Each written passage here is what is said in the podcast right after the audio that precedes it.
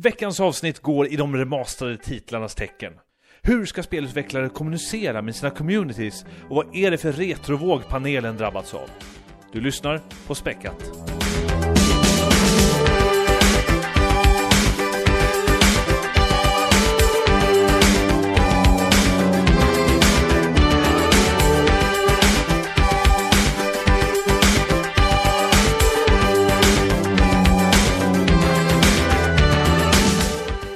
Känn dig hjärtligt välkommen till avsnitt 53 av Späckat, en podcast om spel och allt där i kring. Den här veckan med mig, Per Landin och mina två fantastiska kollegor, eller vad kallas Kollegor? Ja. Tommy kol- Hej! Och Lisa Dahlgren. He- hej! Hur är läget? Underbart alltså, vilken jäkla kraft du har i dina intron Per alltså. Ja. Jävla pepp. Jag blev så, liksom, få äran att få påa, påa späckat liksom. Ja, det känns- to känns- bra. Vi har- det, det, det är en lättnad för mig när jag hörde att du ville ta det här jobbet, så jag tänkte såhär, skönt, då slipper jag på. Jag tycker det är fan värsta som finns alltså. Du sätter den ändå på direkten då, det är otroligt imponerande. På direkten ja, nu pratar vi sen, det är i själva verket typ tredje eller fjärde försöket. Men det behöver du inte säga Per. Nej, jo, men Man ska det aldrig avslöja postproduktionen. Ja, fast transparens är viktigt och det kommer vi få veta senare i avsnittet, Oh. för det kommer vi återkomma till. Härlig cliffhanger. Tänk faktiskt. vilken segway det där har varit liksom. Mm. Mm. Eh, ni mår bra? Det är bra, jag är precis eh, hemma ifrån eh, tandläkaren, så jag överlevde den också. Det är fan det värsta jävla skiten jag vet, eh, tycker jag. Jag Finns det beklagar. bra tandläkarspel där ute? Nej. Jaha, vad blev det? Bara en visdomstand? Nej, nej, nej. Bara Tänderna en? från... nej. nej, men det, det är ju tandsten. Fy fan vad tråkigt det här är att lyssna på. Det är som när folk pratar om, jag vet inte, drömmar och hundar. Det, det, det här, vi går vidare. Hur, har, har, du haft det bra Lisa? Ja, jag har haft det helt fantastiskt. Jag ragade en dörr precis. Sprang Mm. hit för att podda. Vi Eh, följde med spänning på, success. spänning och dramatik på, Ja. på, på Facebook. Ja, men det var, det var riktigt spännande. Hur är det med dig Per? Jag mår eh, jättebra faktiskt. Jag har nog inte mått så här bra på, jag vet inte hur länge. Jag har, nu, jag är inne på, jag tror, tredje veckan på min nya arbetsplats. Eh, Mm. På Mojang, där jag numera jobbar som eh, kreativ eh, skrivare. Kan man säga så? Ja, Ja. cr- creative writer. Och så jag har skrivit, eh, alltså jag, jag- jag känner hur jag, jag är ju lite skelögd. Och jag känner nu att jag har suttit så mycket och stirrat och bara pumpat ut artiklar om block och, och, och creepers och allting så att ögonen bara börjar glida isär än mer och liksom, åh, ja, det är skönt att få sätta sig ner och, och, podda lite grann. Men sitter du och skriver allting på engelska då nu också? Ja, precis. Fy fan, otroligt imponerande. Jag kan Det knappt stava mitt namn på engelska. Nej, men jag, det. alltså, jag trodde att det skulle vara svårt att skriva på engelska. Men Ja. alltså, det, det rullar förvånansvärt på bra. Och det är liksom första gången som jag gör. Så att det, Ja. är, det är en kul utmaning. Och så har jag fantastiska kollegor som är typ hur hjälpsamma som helst och säger Ja men det här är bra, men det här kan du göra bättre. Och framförallt, du borde lära dig skilja på is och ar. Alltså jag, jag måste säga att jag, jag tycker nästan att det är lättare att skriva på engelska, för de har så himla mycket bra tv-spelstermer i engelska. Som vi inte Mhm. har. Har du några exempel? Nej, men nu har jag inte det. Nu, nu är jag ju on the spot. Dinged. Ja, men alltså, det, det, det är ju lätt, att- det är lätt att raljera, alltså det är lätt att kasta ut sig liksom hyllningar så här, It's marvelous, it's wonderful, it's, uh, Ja, men this absolut. fabulous game. Jag vet, jag vet Fab! inte Det, det är så, jag vågar knappt eh, skriva på engelska, jag skulle skriva ett långt mail till en eh, kompis som bor i USA och eh, då, då fick jag svar varför jag, lo- för jag skriver som om jag vore en av karaktärerna från The Wire och sen dess har inte jag vågat skriva på How engelska. do you do? Det är ju Åh. någonting med så här amerikanska så här, att slang, jag bara tok älskar och då ska jag väl trycka ner det så mycket som möjligt men Åh. Jag mailar det. i- i- Inte, inte igen alltså känner jag. Usch. Ja, Mer Spel. om det en annan gång Spel eh, Det har hänt saker den här veckan som, eh, som sig bör som, Det är bra att det händer saker där ute i världen Dessutom i spelvärlden Och vår första nyhet för idag egentligen är att eh, Spyro Oh. Är den senaste titeln att gå och bli remastered Kan någon berätta Mm. mer om det här? Är det någon som verkligen har saknat Spyro undrar jag? För det första. Alltså jag kan ju erkänna att jag eh, spelade ju aldrig en Spyro när det fanns till liksom PS2. Är det, är det hemskt? Mm. Jag, har, har jag fått kicken nu liksom? Nej, jag, jag, är inte bättre själv. Alltså jag kommer ihåg, eh, det här var väl typ någon slags inkörsport för många yngre spelare vill jag minnas när det kom till Playstation 1 faktiskt. Jag kommer ihåg att jag hade eh, vänner som köpte Spyro och älskade väldigt mycket. Jag fastnade aldrig för det e egentligen. Nej. Eh, faktiskt. Hur, hur med dig Per? Jag spelar, jag tycker det är kul att du säger det här, för Spyro var ju, som jag förstår, alltså en av, en av produkterna som var tänkt att liksom eh, sjösätta, marknadsföra Playstation-plattformen lite grann. För det var, eh, jag minns till exempel att den första, det brukade komma med sådana här demoskivor till mm. Playstation mm. på den tiden. Oh, och Spyro, ja det var riktigt tufft. Spyro var en av de som var med på det här och som, eh, på en av de första skivorna tror jag. Uh, mm. Och jag tyckte det var ett, eh, det är i princip det som jag har spelat av Spyro. Men jag tyckte att det var väldigt kul för du kunde ändå spela två, två tre banor av det. Jag mm. gillade musiken, jag gillade plattformsupplägget och jag tycker att Spyro som karaktär är en jättebra plattformfigur. Så att se honom komma tillbaka och framförallt i en fruktansvärt snygg remaster-trilogi som mm. kommer släppas på både Playstation 4 och Xbox One eh, i september. Jag tycker det är skitkul. Jag tycker att det ser, det ser supersnyggt ut. Jag gillar verkligen att det kommer börja komma liksom riktiga remasters på lite äldre spel och inte bara de här Skyrim liksom. Ja. Spel som släpptes 2015 får remasters.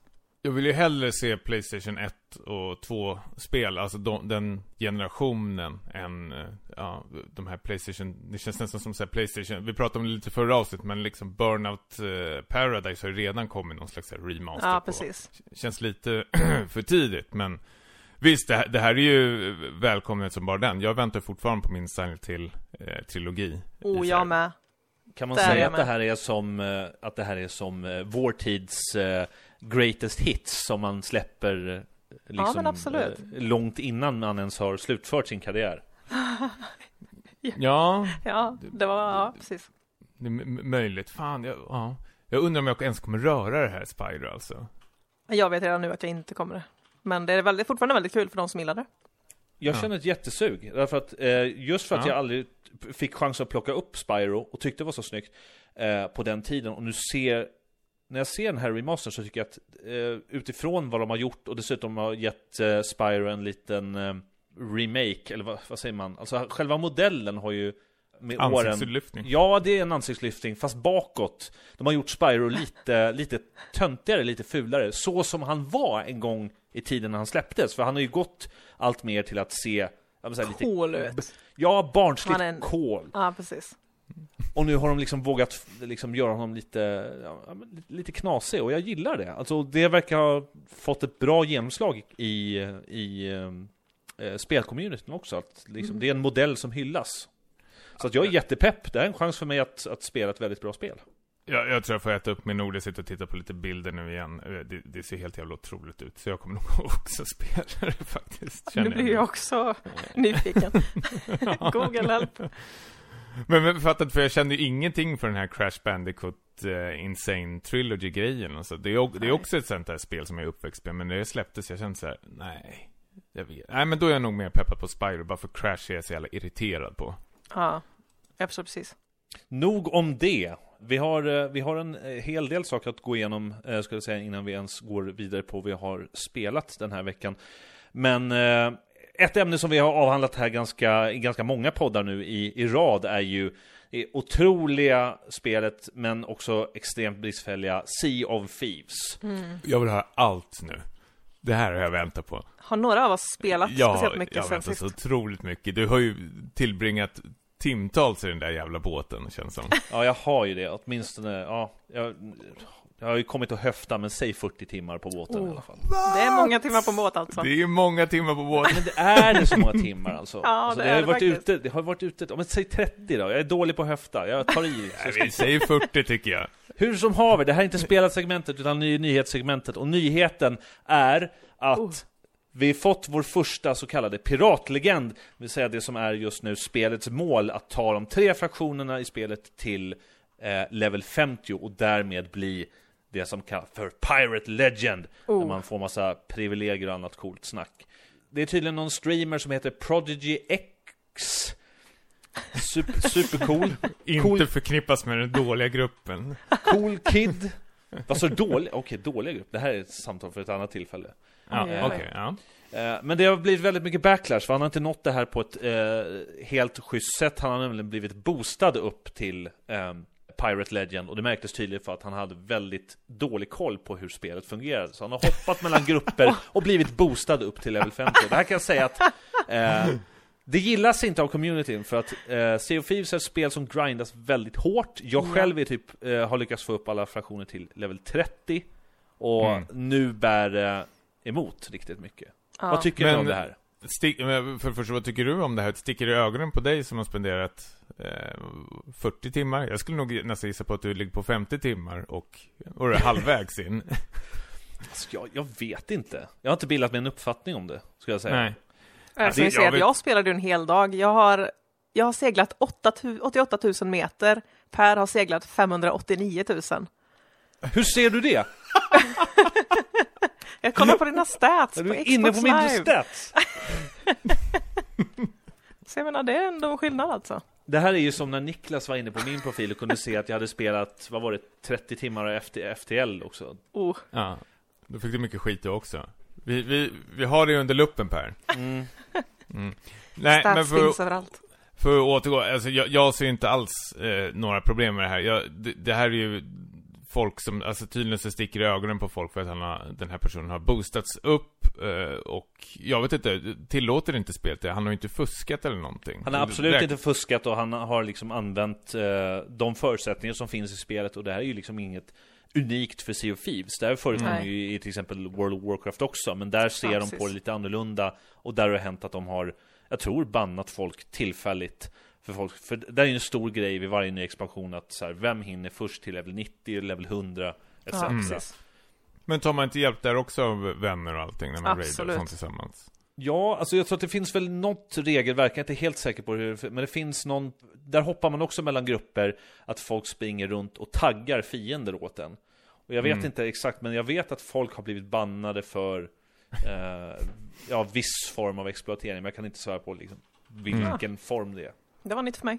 Men, eh, ja, hur mår Sea of Thieves-communityt då överhuvudtaget? Är jag också nyfiken på. Jag skulle säga att Sea of Thieves-communityt börjar bli ganska rastlös. Rare har ju lovat att gå ut med, med en roadmap, att berätta Aha. vad som händer nu. Det behövs Och- verkligen. Men vad, vad är det för något du känner, eh, Persson? Jag, jag, jag har tusentals f- frågor om Sea of Thieves, men vad är det du känner som saknas mest i det här spelet? Eh, eller har, har den en hook? Nå- något, något att göra, något nytt att göra. Ja. Eh, men det är ju, jag tror att eh, du och lyssnarna liksom vid det här laget s- s- sett vad som finns att göra. Du kan gräva skatter, du kan frakta djur och du kan eh, ha ihjäl eh, skelett. Och, Det är ett tidsfördriv liksom. Ja, det är tidsfördriv. Jag ser det typ knappt som ett spel om jag ska vara helt ärlig. Folk kallar det för, för early access, men... Och, nej, men det, det, det snackas om att det finns en del saker som de håller på att jobba på, men man vet inte riktigt exakt vad. Eh, men, men det vanligaste för mig har ju blivit nu att jag sitter med ett par kompisar och liksom... eh, Ja, vi spelar och så sitter vi hela tiden Åh, gud vad kul det vore om de la till det här. Ja. Och så XXXX. Så att allt man sitter och pratar om hela tiden är Åh, det här hade varit fantastiskt i spel. Så att det finns ju liksom, som, som Mm. jag sagt tidigare, grunden finns där men Och potential har det ju verkligen. Jag har ju försökt sola det här spelet några gånger, eh, men alltid liksom, jag vet inte, gå- gått i grund nästan känns som, både kroppsligt nästan, och Åh, båten. ja.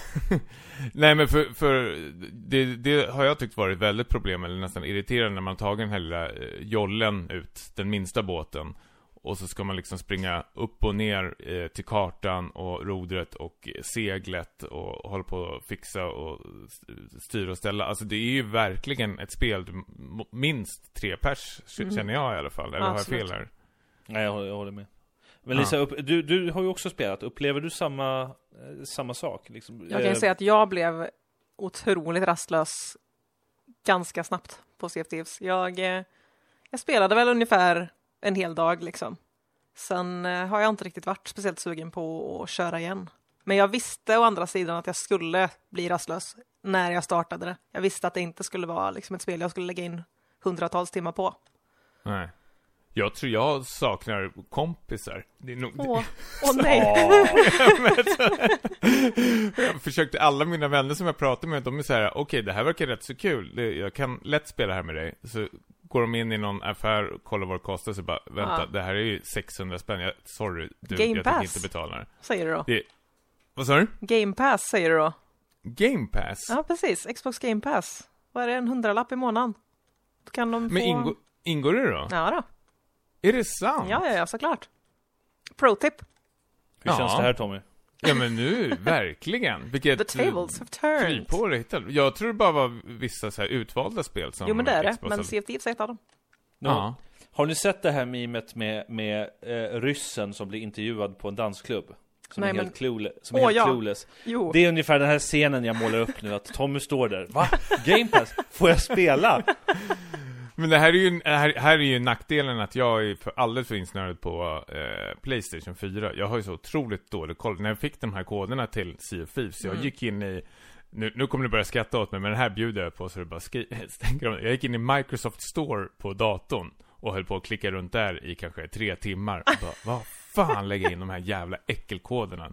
Tills jag, ja, tydligen så måste man ha den här Xbox-appen Ja, appen. då i datorn. Fast det är ju ingenting att skratta åt, det här har ju folk klagat på överlag. En, eh, liksom, Ja. Det är inte bara Sea of Thieves. Ja. Eh, folk har Jag har sagt skrattat att, här hemma i alla fall. men folk har ju sagt att liksom, det, en av de stora utmaningarna har ju varit att, att hela, hela Xbox-klienten och Microsoft Store har varit ett jätte, jätteproblem att navigera i. Och är Mm. fortfarande, helt klart. En Ja, helt sö- jag- jag- sönderbuggad klient. Absolut. Och det säger Jag jag, som Xbox koll hur- fangirl. Ja.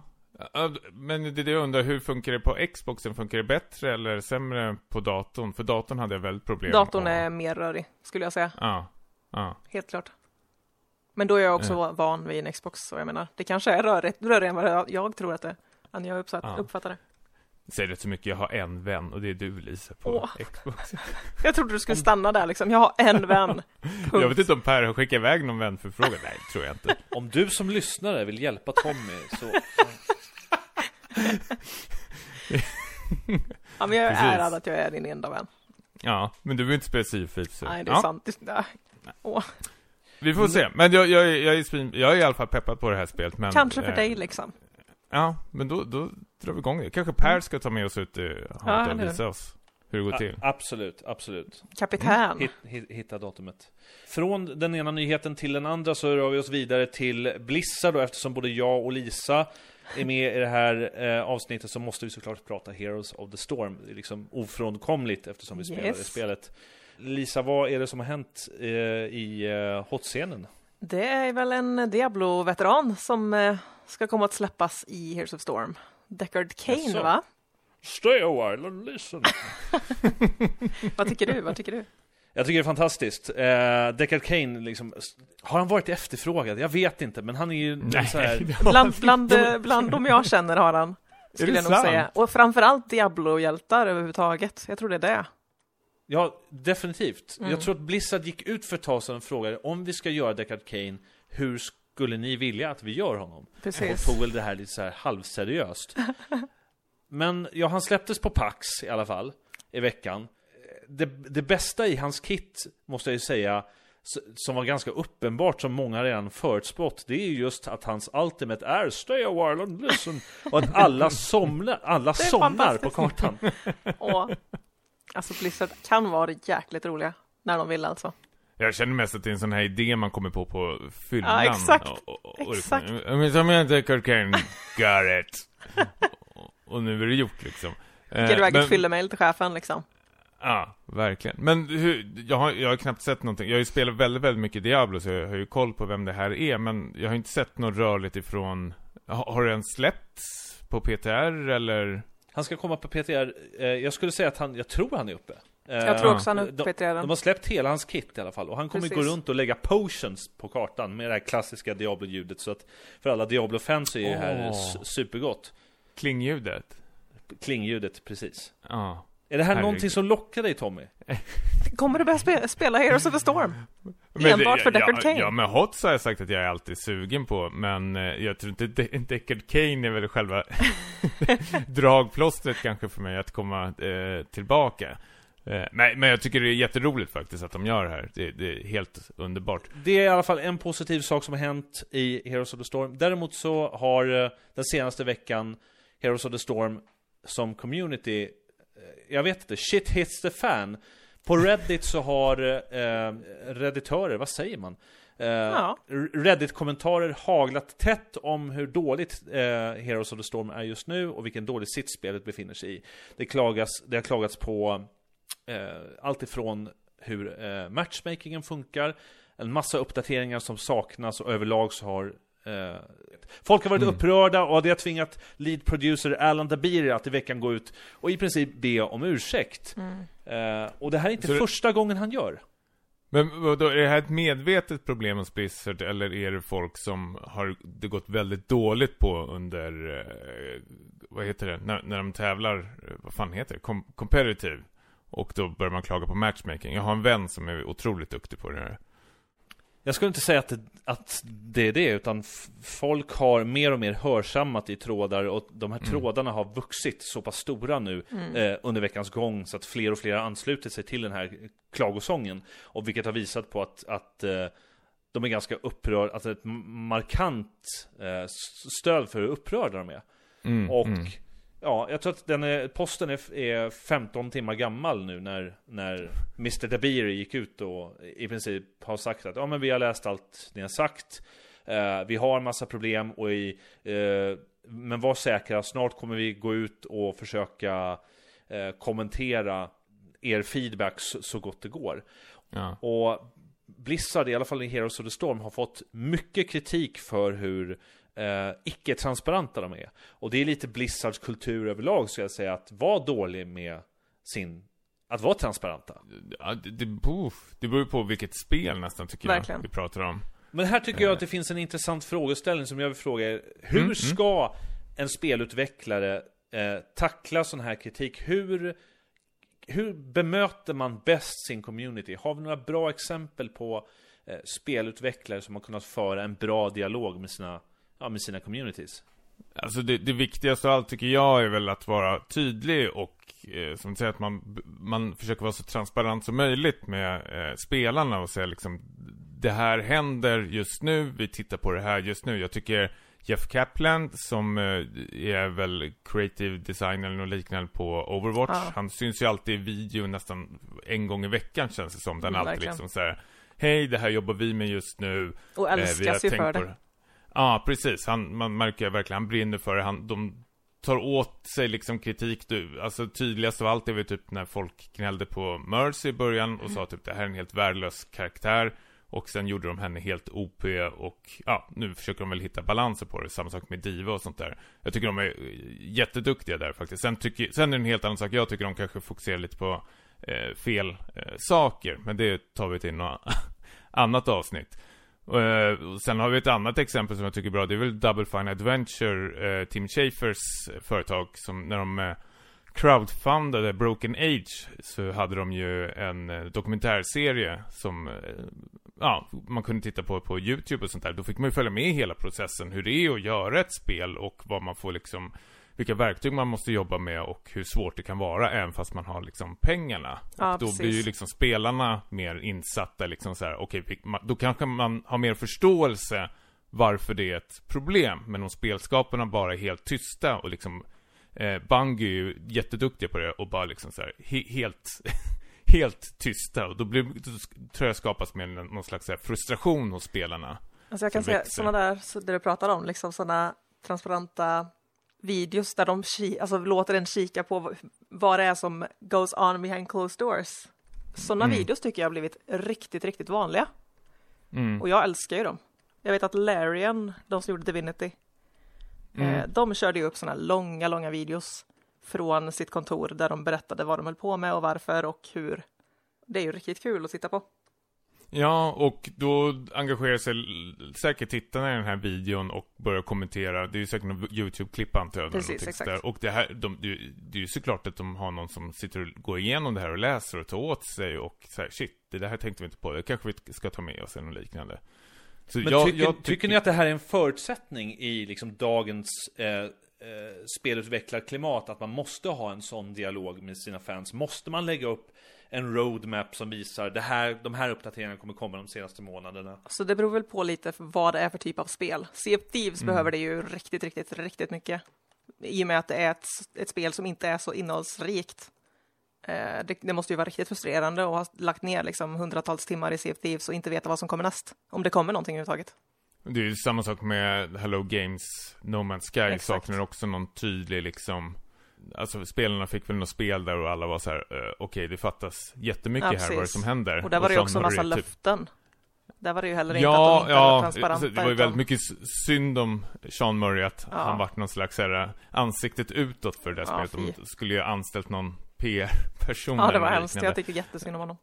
Men sen, alltså jag tycker det här kan vara jättesvårt. Sen, samtidigt måste man tänka att det är ju det är ju kreatörer och det är spelskapare och de har sin vision ska liksom Jag känner väl själv om jag håller på att måla en tavla bara för att dra ett jättelätt eh, exempel Ska jag få sitta där själv och njuta och pilla med den så mycket som möjligt Eller ska folk stå liksom bakom runt omkring mig och skrika mm. liksom Använd blå, nej rött, mer grönt där mm.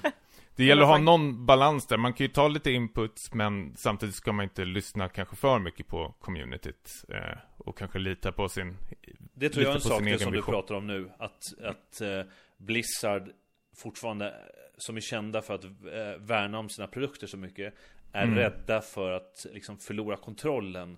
Ja. Och lyssna, tror fortfarande att de vill, att det finns en risk att eh, släppa det här för fritt så att fansen själva dikterar vad som eh, ska, ska komma härnäst. Ja. Samtidigt så är det ju oundvikligt att man måste lyssna på på sina spelare vad som är fel med spelet. För som sagt Kommentarerna just nu har varit Jag älskar det här spelet men det är så otroligt mycket som är problematiskt just nu. Och därför mm. vill jag inte spela. Och ja. det är ju en varningsklocka i sig. Ja, verkligen. Mm.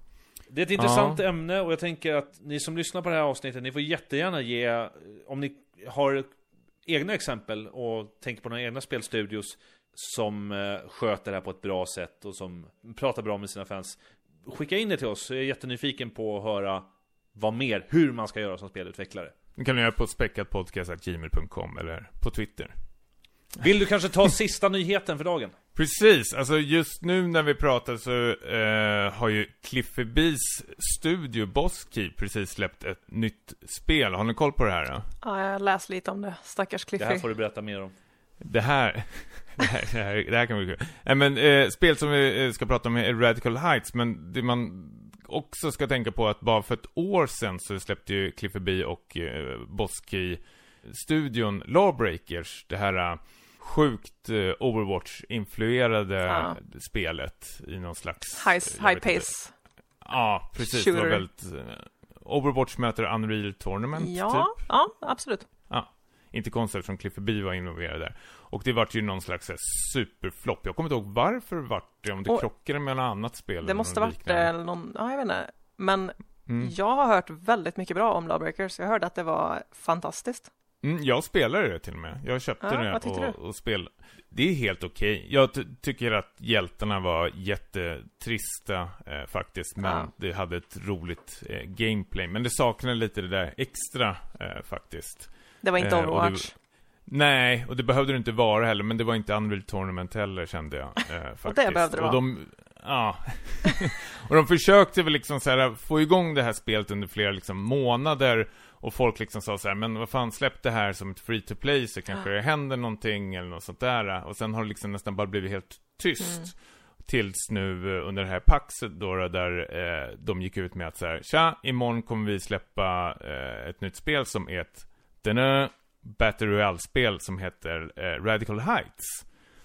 Och eh, det är väldigt så här, det är påminner, när man bara slänger ett öga på det så påminner väldigt mycket om Fortnite. Det är tredje person, lite cartoonigt, men det utspelar sig under så här, det är en 80-talsmiljö, vilket betyder att det är väldigt så här, skrikiga färger och eh, BMXer som man kan cykla runt på istället för bilar. Jag men konceptet faktiskt... är alltså Battle Royale då? Med andra ja, med en twist. Alltså de, de är så otroligt duktiga Boski på typ så här att Ja, men eh, vi har blivit influerade, men det här är med en twist. Jag har läst igenom lite sen notes när de skrev ut det. Istället för att ha den här krympande kartan så är allting uppdelade i liksom så här block mm. på kartan, vad man ska kalla det för och eh, de blocken liksom antagligen försvinner eller liksom, eh, inte försvinner men de blir väldigt dödliga. Och det händer, händer väldigt mycket i den här världen samtidigt. Jag vet inte riktigt var jag ska börja.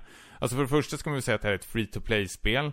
Det känns ju att det är ett strategi för att de ska kanske ta igen all förlust som de har gjort på eh, Lawbreakers. Och samtidigt att de har tittat väldigt mycket på Fortnite. Så direkt jag möts av när jag liksom startar igång det här spelet är liksom att fullt med skins som ska ja. kosta pengar och här kan du köpa gems och allting sånt där. Det dröjde inte länge förrän liksom de släppte så här, ja men du kan köpa spelet sån här supporter-liknande och då får du liksom såhär 10% mer guld och när du vinner en match. För här har du själva kruxet med spelet som jag inte har riktigt så fattat hur, hur det går till. Alltså du samlar pengar i spelet, alltså när du är i den här världen som du sen behåller till hubben då, när du kommer tillbaks, när du klarat eller dött eller någonting sånt där. Och de pengarna kan du liksom spara för att lägga ut på vapen så du startar med ett oh. bättre vapen redan i början. Det är en varningsflagg för mig. Precis, och då blir det helt plötsligt pay to ja, win. precis. Och folk vart ju helt tokiga på det här. De var inte bara tokiga så att de var tvungna att stänga ner den här mm. äh, grejen. Herre. Utan de, folk var så tokiga att de gick in i Lawbreakers på Steam och röstade ner det ännu Alltså folk är, folk är hemska jag har följt det här i stort intresse under de här två senaste dagarna och det, det känns som det har hänt så jäkla mycket på bara två dagar alltså. Men det är ju fascinerande eh. att man fortfarande gör sådana, eller fortfarande ska jag inte säga, men att man gör sådana här grundläggande tabbar, att mm. man inte har lärt sig, och nu vet inte jag om Blesinski följt med i, så att säga, Battle Royale-svängarna, men det är ju ganska lätt att titta på utbudet och se hur man ska göra det rätt. Verkligen. Och vad man mm. inte ska göra. Och som ni säger, sånt där blir ju varningsflagg. Så fort du skapar de här förutsättningarna av, av pay to win så har du ju varningsflaggen där. Ja, jag vet Som sagt, utöver det så provar jag spelet eh, lite snabbt. Och det är sån här, alltså, jag, ni vet sådana här buggiga VHS-band när det flimrar på ja. skärmen. Det här är så otroligt kul. Hela min skärm liksom skriker, alltså den flimrar som bara den och det bara skriker grönt, alltså neongrönt som så här blinkar som en jävla tok över hela skärmen. Och jag är så här, oj, det här var väldigt så här. Jag tänkte att de skulle använda någon slags nostalgigrej eller någonting sådär. Men det var, det var verkligen för mycket. Oh. Men sen fick jag reda på att det är liksom så här, det är en fet bugg i det här spelet.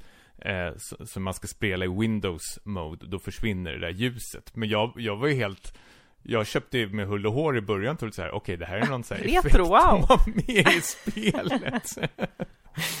så det var väldigt coolt. Men, men som sagt, det har ju funnits nu när vi pratar bara några, några timmar och eh, det är som ett early access-spel. Det är jättebuggigt, det är en sån här gummibandeffekter, gubbarna flyger tillbaks, strobbar och allting sånt där. Men jag vet inte, vi får väl hoppas. Jag har ingenting emot eh, att folk börjar liksom släppa Battle Royale-spel. Jag gillar det konceptet, men... Eh... Men det låter som de behöver krishantera också med andra ord. Ja, lägga, upp en, lägga upp en roadmap, visa hur ja. de ska göra, prata med sin community. Var transparenta, men det tycker jag de har varit. Transparenta i alla fall. Det är väl eh, vinsten. Ja. Eh, för de lyssnar ju tydligen på community väldigt snabbt och stänger ner den där supportgrejen. Men hur känner ni med själva Battle Royale-genren? Känner ni att det redan efter ett år börjar mjölkas ur eller? Alltså, jag har inga problem med det överhuvudtaget. Det får jättegärna fortsätta för min del. Eh, däremot mm. så tycker jag väl mer att det känns som ett spelläge än nog för ett helt spel egentligen. Men eh, det verkar ju ingen annan tycka. jag, jag gillar ju som bara den. Jag har ju spelat flertal timmar eh, PUBG. Men jag tycker det är nyttigt med lite eh, konkurrens. Ja, verkligen. Att, så man inte blir alltför bekväm. Så det, det, jag gillar inte alls Fortnite. Jag tycker det är jättetråkigt. Ja, men jag tycker det är jättebra att Fortnite finns. Så att publikskaparna kanske får lite eld i röven på sig Absolut. och fixar till det som Folk skämtar ju om att eh, nästa E3 skulle innehålla 90% eh, Battle Royale-titlar i princip.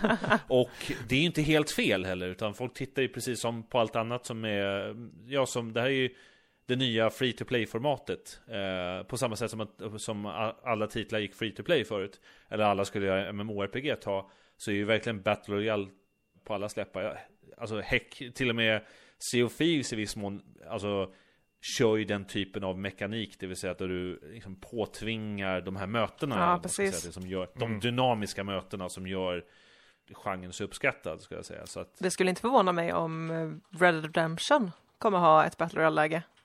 Och det tror jag att skulle ja, passa jag skulle säga att jag är lite trött på, på Battle Royale. I alla fall som, som någon som konsumerar väl- väldigt mycket streams och tittar på vad, vad Ja. folk spelar just nu, så tycker jag det är jättetråkigt. Där håller jag Alltså, med. Mm. Jag vet, jag var inne på Mixer och kikade på mina, de jag är subscribed till liksom. Alla spelar ju antingen PubG eller eh, Fortnite. Mm. Men ni känner ingen spänning? För, för det, här var ju, det här var ju en inkörsport för Niklas till Twitch och streaming. Han älskar ju Mm. det. För att han kan verkligen sätta sig in i det och reglerna är ju så otroligt lätta där. Att, eh, one, eller last man standing. Eh, men ni känner ingen spänning alls över det när ni tittar på andra som streamar sånt Eh? PubG kan jag kika på, helt klart. Jag kollar Mm. många, många timmar. Men eh, Fortnite är inte min grej. Alls. Ja, det är någonting. Alltså kompetitivt Fortnite kan vara väldigt kul. Jag har suttit och tittat på, eh, jag tror att han heter Sveriges bästa Fortnite, jag tror att han heter Etnix. Som tävlade lite på, på DreamHack Summer.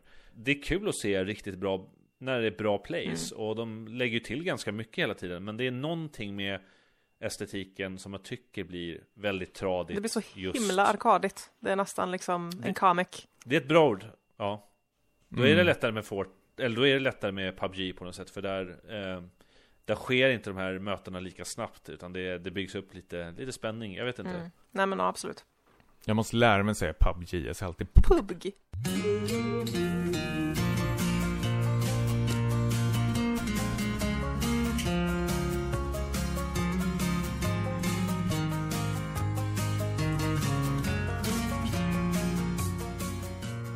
Tommy Per. Åh vad roligt att få säga det, få göra en Elisabeth här eh, För ni som inte har kontexten rekommenderar jag att ni går tillbaka Väldigt många avsnitt för att hitta den härliga Elisabeth Tommy-dynamiken. Hur som helst, vi har spelat spel den här veckan. Och det som är roligt är ju att den här veckan vi har inte spelat speciellt mycket nya spel utan vi har tittat tillbaka i tiden och plockat fram de här riktiga godbitarna. Upptäckt Eh, oss själva. Upptäckt oss själva, upptäckt pärlorna De fina sakerna i livet nu och Tommy, vad är det du har tittat på den här veckan? Jag har spelat Spyro-trilogin till Playstation 1. Alltså, Jag skojar bara. det hade ju varit fantastiskt! Ja, ja, precis. you got our hopes up. Ja, nej, jag, jag plockade upp det var ju eh, faktiskt eh, någon slags eh, Nintendo e-shop-rea häromdagen, där jag plockade lite spel och jag har känt att jag, min Switch har faktiskt eh, dammat de senaste, ja, veckorna nästan. Så jag behövde någonting som jag kunde ha till, eh, till innan, innan man går och lägger sig. Jag älskar att plocka fram den där och bara spela lite. Och då trillade jag över faktiskt Steamworld Heist, som jag, har blivit rekommenderad så här Oh, ofatalt gånger. Ni, ni har spelat det här eller? Inte ett Nej, heist. men jag känner till det mycket väl Jag har spelat, jag testade faktiskt eh, Steamworld Dig 2 däremot. Speltestade för det. Mm. Det gillade jag ju hur mycket som helst. Precis, det är ju samma skapare, Image and Form har jag för mig de heter. Eh, bara att här är väl mer, man skulle väl kunna säga att det är en blandning mellan, jag älskar att dra eh, de här, men XCOM och eh, Darkest Dungeon Mm. kanske man ska säga. Det är bra, Att- och med lite estetik av uh, Stick it to the man också Från uh, Göteborgsbaserade Zoink Ja, det är De möjligt. gick ju ihop, gjorde de inte det? Att det är lite, Det gjorde Ja, de de, det, va? va? Just ja! Till ja, och med. va, va, Till vad och med hänt? Vad händer nu? Ja, ja, är det Image och Form som har gått ihop med, med Zoink och bildat Thunder... Full. Thunderful? Jäklar vad ni, det är därför ni är i min späcka, för ni har sån jäkla koll. Jag kan bara luta mig tillbaka och fortsätta prata om Steve World Jag, Heist. jag jättegärna gör det, det är ett spel jag inte spelat, så berätta on. om Steamworld Heist Ja, i alla fall, det, det påminner väldigt mycket om estetiken, eh, skulle man kunna säga då, i eh, Darkest Dungeon, att du har ett sånt slags så här plattformsliknande eh, liknande, eh, brädor framför dig, och det är liksom turordningsbaserat, och du spelar de här eh, ja, robotarna som jag har stängt av ljudet på, för de pratar liksom, de, de har en dialog med varandra, men när de pratar så är det så här Rare-dialogen. Ja, ja men Rare-dialogen är ju charmen då, men här är det så här eh, kn- knastrigt Ja, robotspråk. precis. Jag förstår precis. Om det finns något som heter så. Ja. Jag vet precis vad du menar. Nej, det, det låter som bara den, så jag antar, jag trycker bort den där jäkla dialogen så snabbt som möjligt, för jag känner här finns ingen story. Utan det jag är ute efter är det här, skruva upp svårighetsgraden och sen överleva liksom så långt som möjligt. Och grejen med det här spelet är att du ska liksom alla har ju såklart ett vapen, du har liksom allt från en sniper, du har en tank som kan skjuta någon grenade launcher. Och det är turbaserat liksom- också. Tu turordningsbaserat ja. Oh. Ja, Precis. okej. Eh, så du går in, du ska liksom raida de här skeppen, du kan gå in på, kan eh, ett uppdrag vara liksom hämta en fånge eller vad som helst. Men liksom när du engagerar en fiende så liksom rör sig armen liksom vertikalt upp och ner. Så ska du liksom tajma det med en enkel knapptryckning för att liksom förhoppningsvis träffa den här motståndaren. Och det finns ju massor med olika sådana här funktioner på de här vapnen och du kan liksom valla skotten på väggarna så liksom du kan skjuta upp mot taket så studsar in mot väggen och träffa dem liksom bakifrån om de står liksom bakom någon barriär eller något liknande. Eh, så det- är otroligt, det är väldigt, väldigt snabba omgångar. Alltså ett uppdrag kan ju max ta, vad är det, fem minuter på sin höjd. Så det går väldigt undan och jag gillar det. Det är lite loot i det också. Du liksom samlar poäng, du kan köpa loot och uppgradera dina gubbar. Abilities, du träffar på nya karaktärer. Och det som är så bra med den här Switch-versionen är ju att de har ju samlat på sig alla de här uh, utgåvorna, alltså vad säger man, DLCerna som har släppts till 3DSen Ja, och vad har det mer kommit till innan? Eh, Steam finns det väl till också? Och Playstation. Men nu är liksom hela paketet får jag, så det är skitmysigt att verkligen sitta och småspela här. Kan jag verkligen rekommendera om folk saknar den här typen av spel. Mm, det låter faktiskt som någonting för mig. Jag gillar turbaserade lir jättemycket. Sen, ja, det var inte så mycket mer än så faktiskt. Men du rekommenderar det starkt med andra ord? Du gillar det här Ja, spelet? s- starkt. Alltså det, det, det är som en... eh, Det, det, det, är som en knarkares eh, Subutex liksom. Det, det, Wow! det, det är något lite extra när man behöver det. Ett, ett härligt tidsfördriv helt enkelt. Ja, Ah. ja Eller härligt. som du sa. Tack för den Tommy! Mm -mm. Du får Eh. man inte säga i den här podcasten tydligen. Det, det, får du, det får du göra, men eh, nu lämnar vi dig bakom. Nu, Steamworld Heist, som sagt. Uh, spana in Steam eller ja, Switch. Du spelar alltså på Switch. Mm, perfekt. Då tänker jag direkt att vi går vidare till, det finns en titel som vill jättegärna höra er båda prata om, men jag tycker först att vi gör ytterligare ett kliv tillbaka i tiden. Lisa, du har också spelat en väldigt, väldigt intressant titel. Oh, ja, jag eh, har saknat det här spelet så mycket. Eh, jag spelade Eleanor, har spelat det otroligt många timmar innan på Xbox 360 back in the day. Och nu finns det ju alltså en remastered utgåva. Kan tänka mig att det kom efter Switch-versionen. De har bytt om lite, lite system, ändrat namnen på Truth, Doubt och Lie. Det, det förstör mig, det ska jag säga. Jaha, vad, vad heter Doubt det heter Bad Cop och Truth heter Good Cop. Oh, det stör Oj. mig så mycket. Jag kan inte ens förklara det.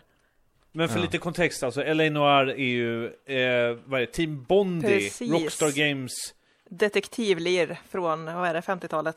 Li, lite, eh, typ spelar som, som GTA fast förlagt Ja, ja, Hade under en depressionen är det helt- väl? Är det 50-tal? jag vet faktiskt inte, nu är jag osäker. Det kan vara 50-tal, Eh, det. Hade en 50-tal. fantastiskt mocap-system som de höll på med ju. Det ser ju ut som riktiga människor.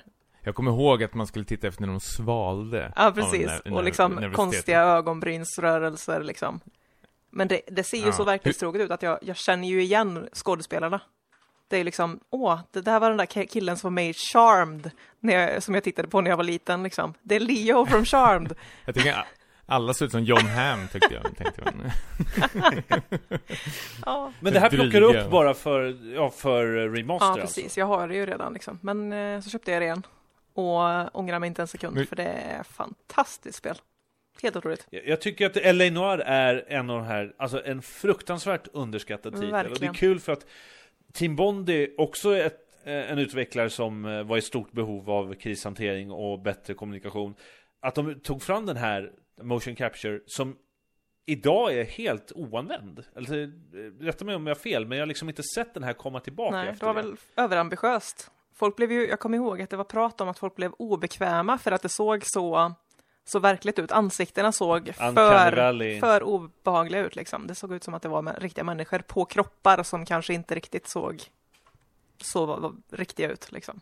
Mm, mm. Jag kommer ihåg att det klagades på. Ja, det var jättelänge sedan jag spelade här, men jag kommer bara ihåg det jag störde mig väldigt mycket på var de här biluppdragen. Man skulle ta sig eh, från olika destinationer. Det, det var ju väldigt tomt här för mig i staden. Ja, det vet jag inte riktigt. Har Men jag kommer ihåg det jag störde mig och och det jag fortfarande stör mig på mest är ju bilisterna i 50-talets LA. De är ju galna. Kommer man för nära så stannar Onyktra. de. Kommer jag liksom sirener i full fart och det kommer någon framför mig, tvärnitar de precis framför min bil. Jag bara, "Nå, men nu förstörde du ju allting. Jag är en polis på uppdrag liksom. Ja. Jag löser dåliga Men är det här en version är det här en version som har uppats på något sätt? Har de lagt till något eller polerat? Eller är det precis den version som, som Jag kan ju säga att jag som- inte märker det. Nu är det ju väldigt länge sedan jag spelade 360-versionen, men eh, det ser ju inte fantastiskt mycket bättre ut, om jag säger så. Mm. Och det är pop-ins och, nej, jag vet inte riktigt. Det är nog ingen jätteuppottad version, om jag ska vara helt ärlig. Men eh, Nej för det som jag tänker på, jag gillade ju Spelet har ju verkligen sin skärm Alltså det, det är snyggt och vissa uppdrag är liksom extremt välgjorda Men då och då så blev man liksom Så paff över att det verkade dyka upp sådana tydliga luckor i Ja. spelet Alltså där, där liksom storyn bara De tappade bollen fullkomligt och man tänkte liksom Spelar jag fortfarande samma spel? Och det var ko- konstiga moment som kunde dyka upp så att det kändes ju Ja, det, det blev så tydligt att det här var en studio som hade haft stora problem under sin, sin utveckling och inte släppte liksom ett spelet så till 100% färdigt som de hade velat. ja, precis. Och det märks ju. Det, det är ju ingenting som en remaster alltså fixar. Men eh, jag skulle säga att det är, det är samma spel fast allt ingår. Liksom. All DLC, alla sådana här pre-order bonuses pryttlar är med liksom. Det är ett Mm. komplett spel. Mm. Men det är fortfarande rörigt emellanåt och det är fortfarande texture pop-ins, buskar kommer från ingenstans. Inte perfekt. Hatar när buskar kommer från Ja, jag med. ingenstans. Story of my life.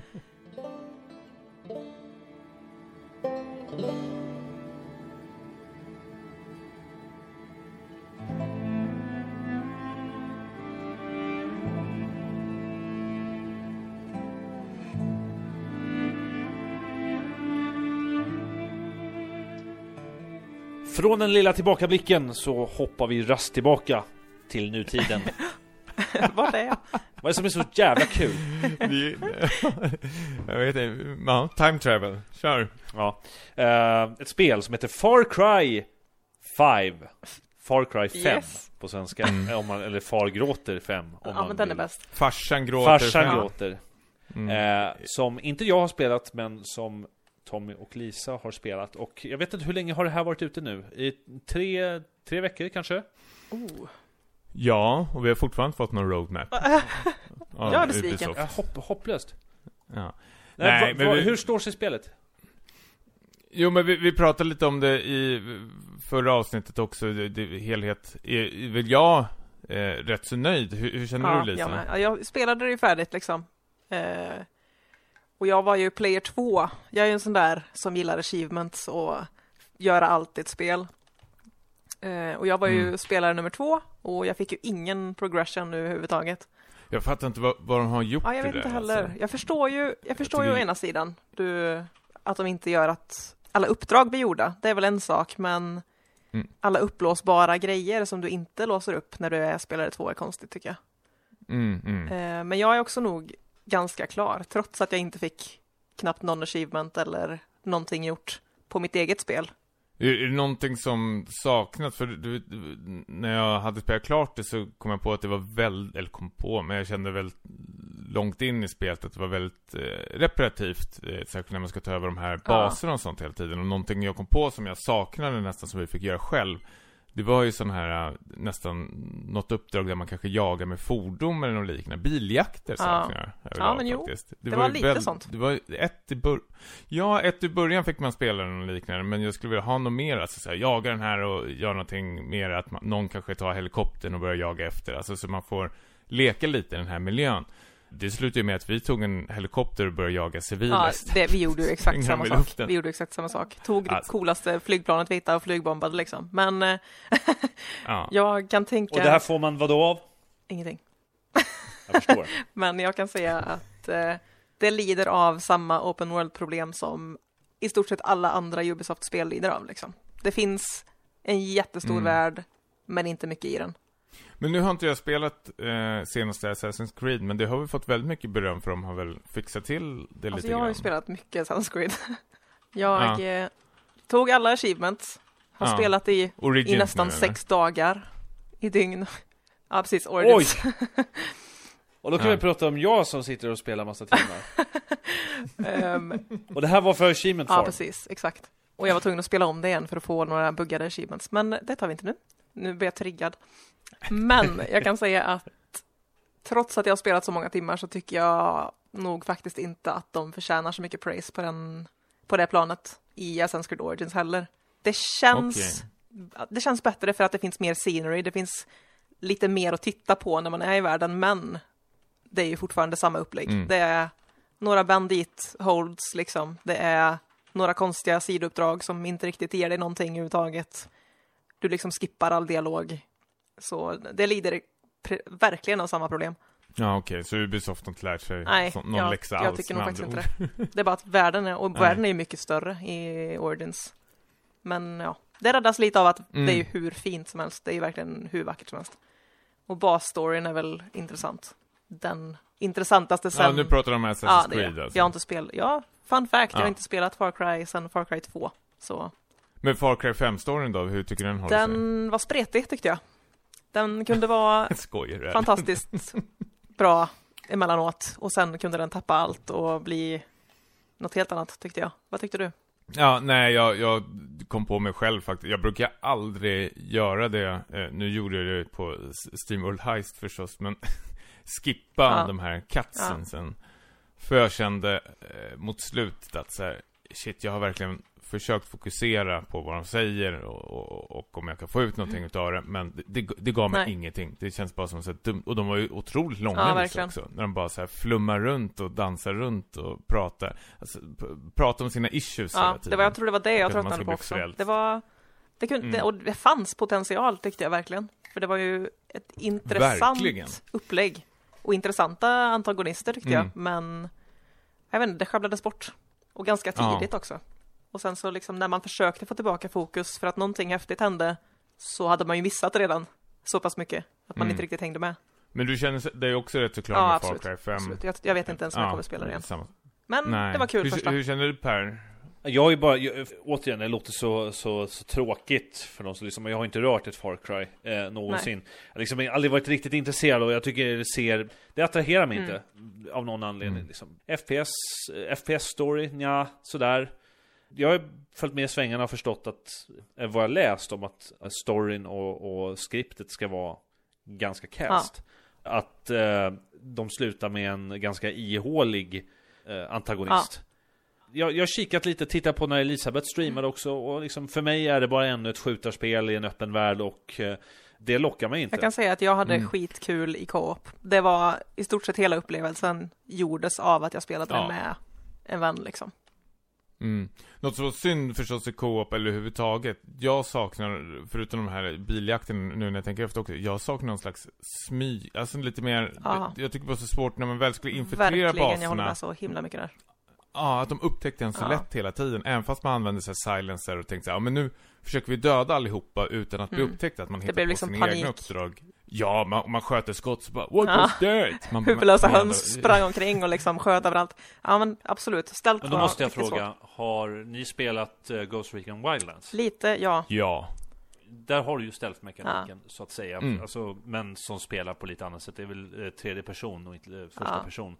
Eh, Mm. hur, hur står sig de mot varandra? Då var Far Cry sämre. Jag tycker, ja, Wildlands är mycket bättre. Särskilt co-op också. Jag spelade med tre Ja, jag med. kompisar med Wildlands. Vi hade, ja, vi hade hur kul som helst. Skicka upp de här små drönarna och scanna av områden och allting sånt där. Det, det var lite mer rolig kaos i Wildlands Mm. faktiskt. Eh, faktiskt. Det var kul när det var lite dråpligt och, och sånt. Här, här kanske det blir lite mer eh, frustration, Mm. känns som. Ja, jag håller med. Känner vi oss klara med eh, Far Cry? Ja, jag är... Vi stänger den Ja. boken.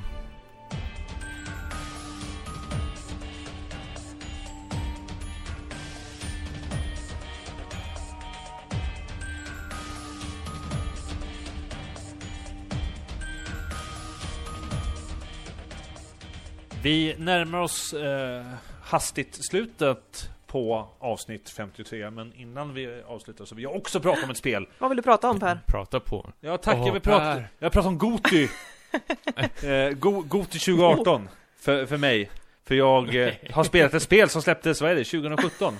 Goti 2017 Oh. Tommy, mår du bra? Oj, det är inte. Tommy? Ja, satte konjaken Ah, i halsen. Mm, jobbigt. Eh, då har jag alltså spelat Nier Automata.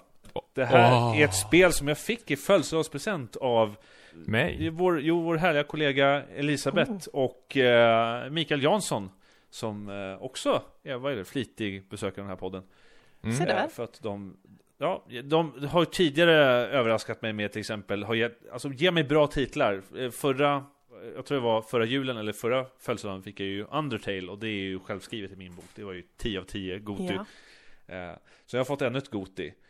Och jag vet inte vad det är med sådana här spel. Men eh, jag har spelat fem timmar hittills av Nier Automata som har blivit så himla hyllat. Men jag har svårt att så här långt in i spelet se storheten. Jag tror att precis har börjat få en liten aha-upplevelse av eh, st- storyn och börjat intressera mig lite mer.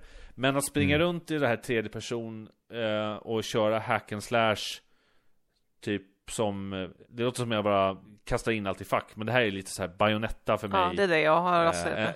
Ja, vad heter, vad heter spelet med, ja men det är lite Devil May Cry, allt sånt där. Den här genren överlag känner jag svårt med. Hoppa upp, ner, veva lite med svärdet Ha ihjäl ändlösa vågor av, av fiender. Och allting ser tufft ut utan att man fattar hur man har gjort det nästan. Ja Men är, är jag fel, är jag fel ute? Har ni en annorlunda syn på det här spelet? Nej. Kommer det Nej. växa? Nej, du, du är inte helt fel ute. Jag har hört samma kritik av flera andra som jag... Jag, jag älskar ju det här spelet. Det här är ett fullpottspel av mig. Men jag köper allting det du säger. Att kanske det man inte kommer ihåg spelet är väl kanske inte för dess gameplay. Utan kanske mer hur spelet och du eh, utvecklas. Eh, desto längre in du kommer.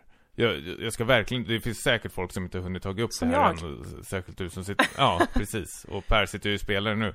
Men spelet gör, eh, alltså tack vare storyn och hur det är skrivet och alla karaktärer, vad, vad som händer senare i spelet gör det väl, väldigt, väldigt kul och gör det att man vill fortsätta spela. Men jag köper helt att liksom gameplaymässigt, ja, det, det är väl väldigt, det har man, precis som du säger, det har man sett förr.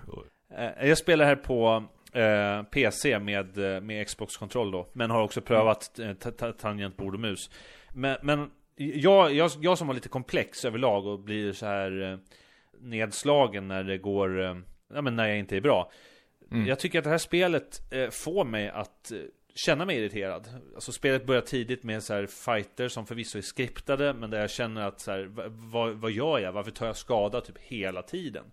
Mm. Och jag har mött ett par bossar till och från som gör liksom helt kopiösa mängder skada. Jag tänker, ska det vara så här? Är jag verkligen så här dålig eh, på riktigt? Eller är det spelet som misslyckas att... Eh, eh, Men kör på svårast eller? nej, jag spelar på, vad är det, normal? Jag tycker bara att Ja. det är så svårt att läsa bossmönstren och eh, veta när man får gå in och göra skada och hur man framförallt undviker att ta skada. Men jag tror bara att jag håller på jag håller på att göra den här övergången, jag håller på att bli gubbe. It's time! Liksom, jag förstår Men du, du är ju jämngammal med mig. Ja men vadå, jag kanske blir gubbe i alla fall Ja men det är ju någonting med reaktionsförmågan blir ju sämre, så jag menar, Ja men framförallt Ja. så här, förståelsen för hur det här spelet ska spelas, jag vet inte åh nej. eh, Men mus- musiken, jättemysig, jättebra Storyn kan jag se, börjar intressera mig Det är ganska Mm. segt i början, men det har hänt lite grejer som gör fått mig Aha, det här kan, det här kan utvecklas till något spännande Tips skulle jag vilja säga faktiskt. Det, det finns ju massor med sådana här sidouppdrag utspridda i den här världen och springer runt. Inte så jätteviktigt att ta dem eh, i början faktiskt. De, de kommer finnas kvar så du behöver inte känna någon slags panik att Jag du måste ju göra levla, dem. jag måste ju levla så att jag kan spöa bossarna Ja okej, ja, ja, men då så, ta dem då. Jag, jag vet inte Ja, gör det. Men bara så du inte, för, för vissa brukar känna att, eh, och jag är absolut en av sån, när så fort det börjar ploppa upp massor Ja. med sidouppdrag eh, på spel, då, då ska jag hålla på och plocka dem. Sen liksom sju, tim ja, sju timmar in, då har man glömt var fan man var någonstans i main storyn. Eh, så jag skulle nästan eh, vänta på ja, sidouppdragen, men det, är bara ett litet tips. Men om du känner att du behöver dinga så kör på.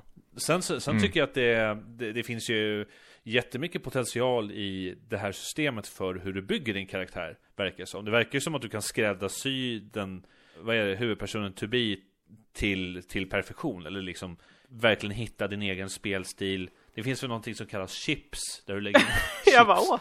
Inte, inte OLV och inte Estrella, Ja. utan så här datorchips. Släng en liten grilla där. Ja, men, och där kan du liksom bygga. Har jag fel? Men det, det finns väl mycket vägar att gå.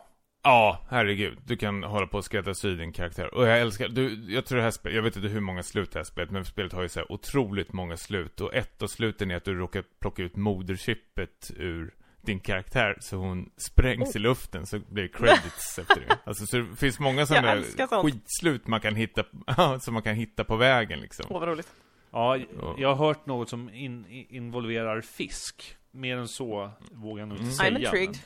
Hur, hur känner du Lisa? Jag Ska du borde verkligen göra det. Jag, jag har hört jättemycket bra om det. Jag har knappt hört något dåligt. Och det ser verkligen ut som ett spel jag skulle tycka om. Så jag återkommer om det. Mm, Jag kanske pratar lite om jag det i podden framöver. Men det är som Per säger, jag kan verkligen hålla med där, att det, gameplayet är väl, det, det är väl helt Mm. okej ändå Per. Det är, he- det är helt okej. Det är helt okej. Det definitivt. gör ju inget- Spelet är inte dåligt, det har jag verkligen, eh, verkligen göra klart. Men det är jättekul att prata om efteråt när man har klarat det faktiskt. För det finns väldigt mycket att, att eh, prata och diskutera. Mm, jag har hört att det är och, förvånansvärt eh, intryck djupt. Och allting sånt. Just ner i automata. Ja, det, det går en väg som man inte alls är beredd på. Men nu, fan, nu ska jag inte hålla på och eh, peppa upp det. Jävla skitspel alltså. Oh, Två plus, okej. max. Perfekt. Vi har avhandlat en, eh, en del saker idag. Jag hoppas att man har lärt sig något på vägen. Jag vet inte om jag har gjort det, men det har säkert andra gjort. Du vet att du ska Eh, köpa LA Noir igen? Ja. Det vill jag definitivt Aha. göra. Det är en jättebra idé.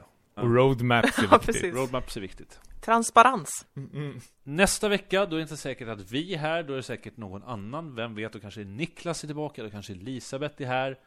Och någon av oss. Det vet vi Mm. inte. Det är en cliffhanger sig också. Jag. Det blir en Battle Royale-studie av det. Och som sagt, vi vill jättegärna höra vad, vad ni lyssnare har för idéer och tycker. Så Tommy, var kan man höra av sig någonstans? Ja, om man vill eh, kontakta oss då så finns vi på Twitter under späckat, vi finns på Instagram under späckatpodd, men eh, självklart om ni med mejl också så finns vi på späckatpodcast.gmail.com. Var hittar man dig privat? Eh, på mig hittar man på Twitter på Tommy Jansson och eh, Instagram Stimpas. Eh, Jovial Trash. Precis överallt. Mig hittar ni nästan överallt. Men med fördel på Twitter med användarnamnet Per Landin.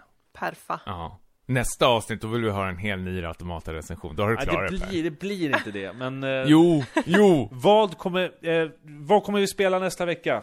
Minit! Vi kommer titta närmare på Minit, så missa inte Ja, det. jävlar, just det, det har vi spelat. Lovande titel. God of War. Man dör efter en minut. God of War.